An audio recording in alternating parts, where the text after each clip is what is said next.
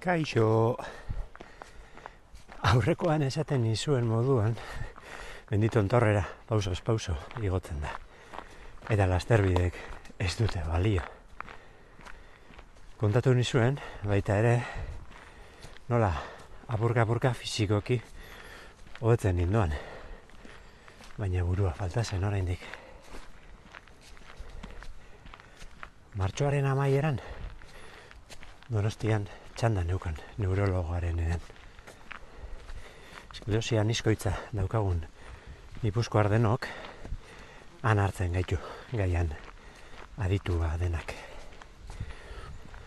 Ondo, ondo antolatua daukate. Neurologo honek konfirmatu zidan diagnostikoa. Esklerosia niskoitzan neukan. Eta alboan utzi zuen sindrome kliniko bakanaren teknizismoa. Gutxi inporta zitzaidan, egia esan. Gaitza berdin-berdin nukalako. Denbora gutxi dedikatu nion pentsatzeari.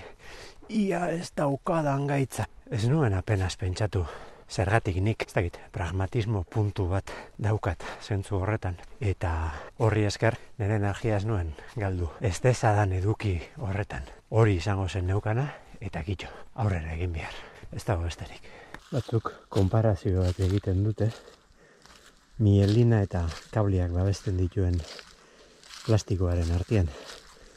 Esklerosian izkoitza dela, ba, kablien eh, plastikoa pelatuko balitu zela.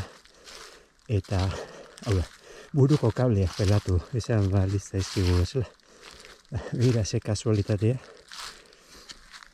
Asentzio eta argeta arteko bidean, kableak sartzen ari bidearen erdi erdian. Neurologoak bost botika eman zizkidan aukeratzeko. Berak etzuen aukeratzen, guk aukeratu behar genuen. Eta bakoitzaren txostenarekin joan ginen, aste santuko porretara, geuk aukeratu behar genuen. Geuk diot, ze ordurako nahiko barneratua neukan, gaitzanik neukala.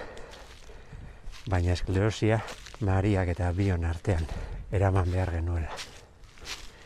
Hor joan ginen, oborretan, landetara, paper morduarekin. Artean oraindik ez nuen oso ondo ikusten. Begiak ikaragarren nekatzen zitzaizkidan.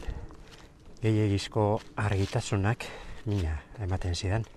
Oraindik genekien, baina kortikoideen ondorioa zen, hau ere bai. Buruko zua itzali bai, baina aldi baterako sortzen dituen beste kalteak eta zu txikiak. Beraz, ulertuko duzun moruan, landetan aino kotxiak idatzia lorpen txiki bat izan zen. Han, beste lorpentxo bat lortu nuen. Diagnostikoaren osteko lehen korrika saioa. Einaut lagunarekin, ze izango zean. Bi edo iru kilometro, ez gehiago. Eta erritmoa, bueno, ala moduzkoa. Baina hori posa neukana. Bi albiste on jaso nituen oso demora gutxian. Mariak e, etidan utzi, botiken txostenak irakurtzen, ah, albo ondorioak eta ez somatizatzeko, izango zen. Laburpen bat egin zidan, eta bonex aukeratu genuen. Astian behin, ziztada bat izterrian.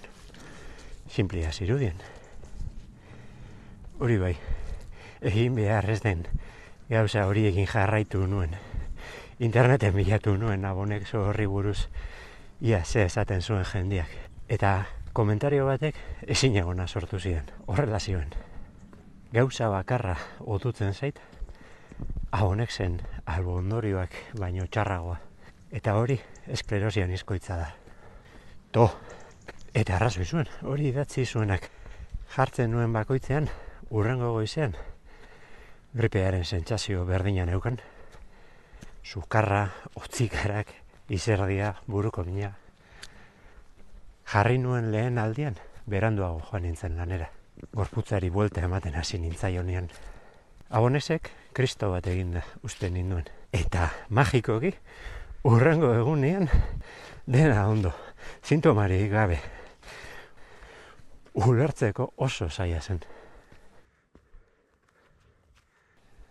Asteak pasa hala, joan nintzen apurka-apurka, oitzen abonek zera. Eta rutina bat erekin nuen, biharamunetarako, igeri lekura joaten nintzen, bidean, pabaroti, nesun dorma abesten entzuten. Alalba bintxero horrek animo ikaragarri altxatzen zidan. Eta momentu horietan, baneukan beharra, bai. Hiru urtez, egon naiz, abonek sartzen. Naskatuta amaitu nuen. Ziztada jartzeko, komunian sartzen nintzen. Atia itxita. Alabetakoren bat sartuko zenaren beldurrez. Zerbait txarra egiten ibiliko banintz bezala.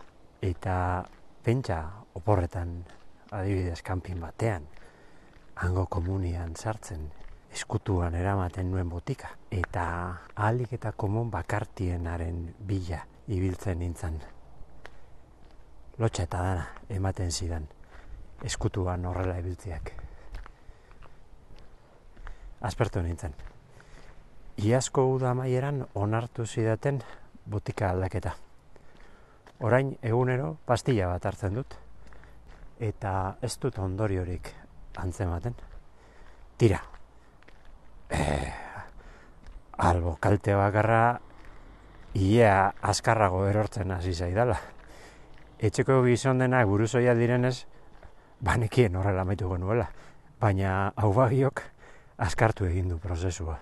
Beste eraso bat edo buruzoil geratziaren artian aukeratu bihar badut, argi daukat erantzuna. Esklerosian izkoitzak ez dauka esan biderik. Botikek lortu nahi dutena da, gaitza losorroan mantentzia. Ia ala dan. Ez badute zer igartzen, dena ondo doan seinale. Urtero egiten dizkiate erresonantziak. Eta hor konfirmatzen da, gaitza aktibo dagoen edo ez. Abenduan tokatzen zaiturrengoa. Eta lo jarraitu dezala. Intxortako atetik, irri beharre handi batez esaten diot gaitzari, no pasaran. Aio eskerrik asko horregotearen.